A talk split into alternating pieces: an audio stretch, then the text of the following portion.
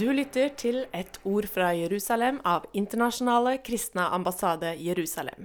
Jeg er Maria Torgussen Helgerud, og med meg i studio er Dag Eivind Juliussen. Så fint. Du, i dag så tenker jeg at eh, vi kan snakke om dette temaet om at tusener av jøder immigrerer til Israel hvert eneste år. Hva er historien omkring dette?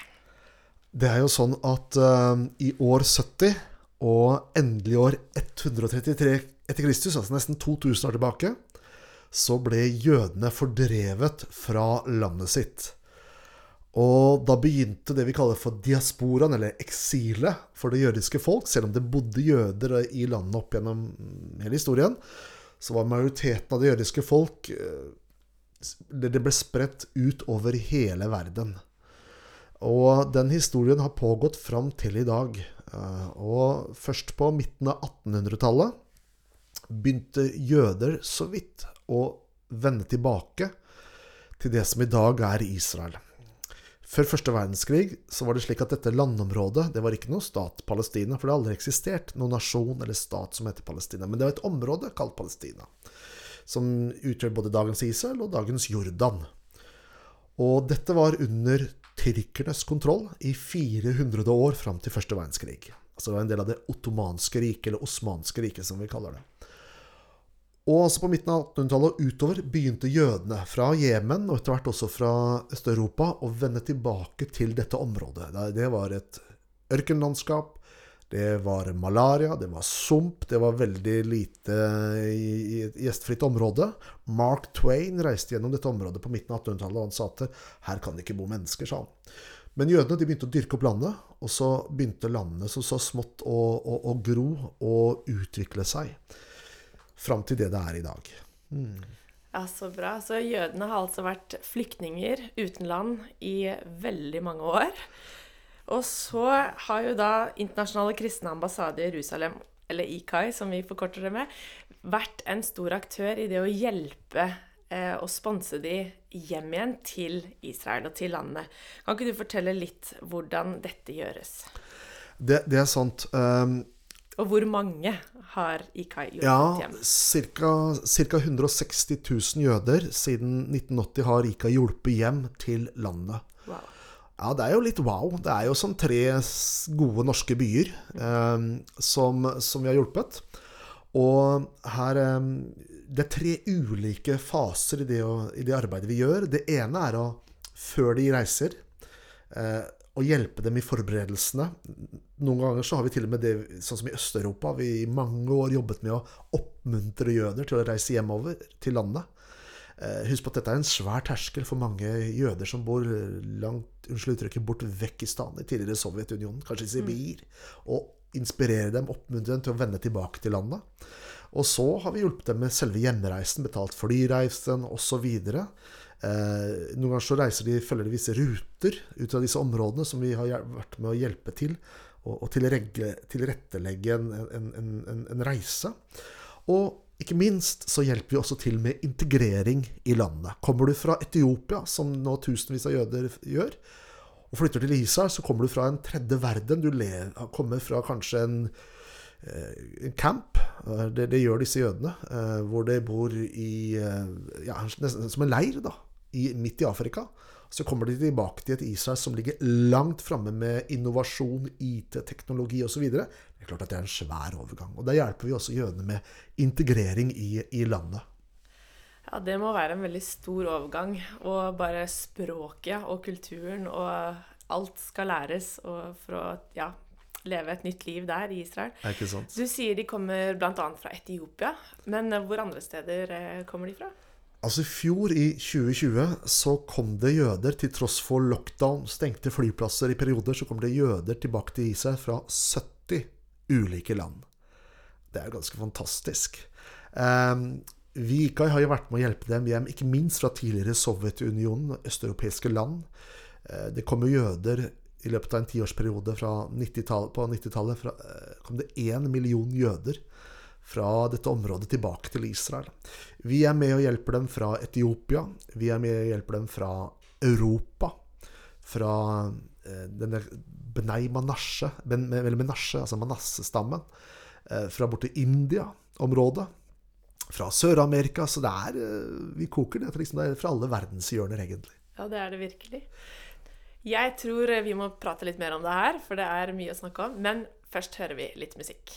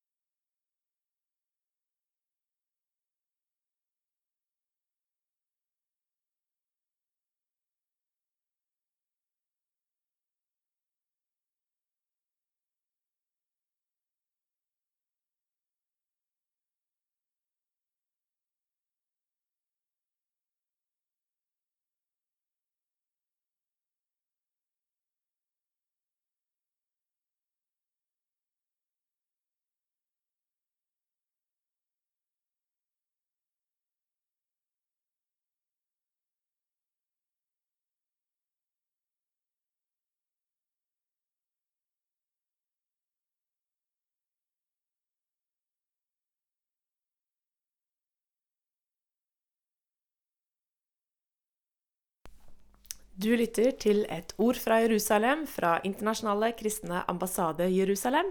Jeg er Maria Torgussen Helgerud, og med meg i studio sitter Dag Øyvind Juliussen. Nå har vi en god prat om eh, at jøder returnerer til Israel, altså det vi kaller aliyah. At de får reise hjem tilbake til landet sitt. Og IKAI har vært med å hjelpe over 160 000 jøder tilbake til Israel. Det er stort. Men Dag Øyvind, kan ikke du fortelle litt? Grann? Jeg tenker Jødene har levd i eksil i 2000 år, og nå vender mange av dem da tilbake til Israel. Finnes det noen historisk parallell til dette?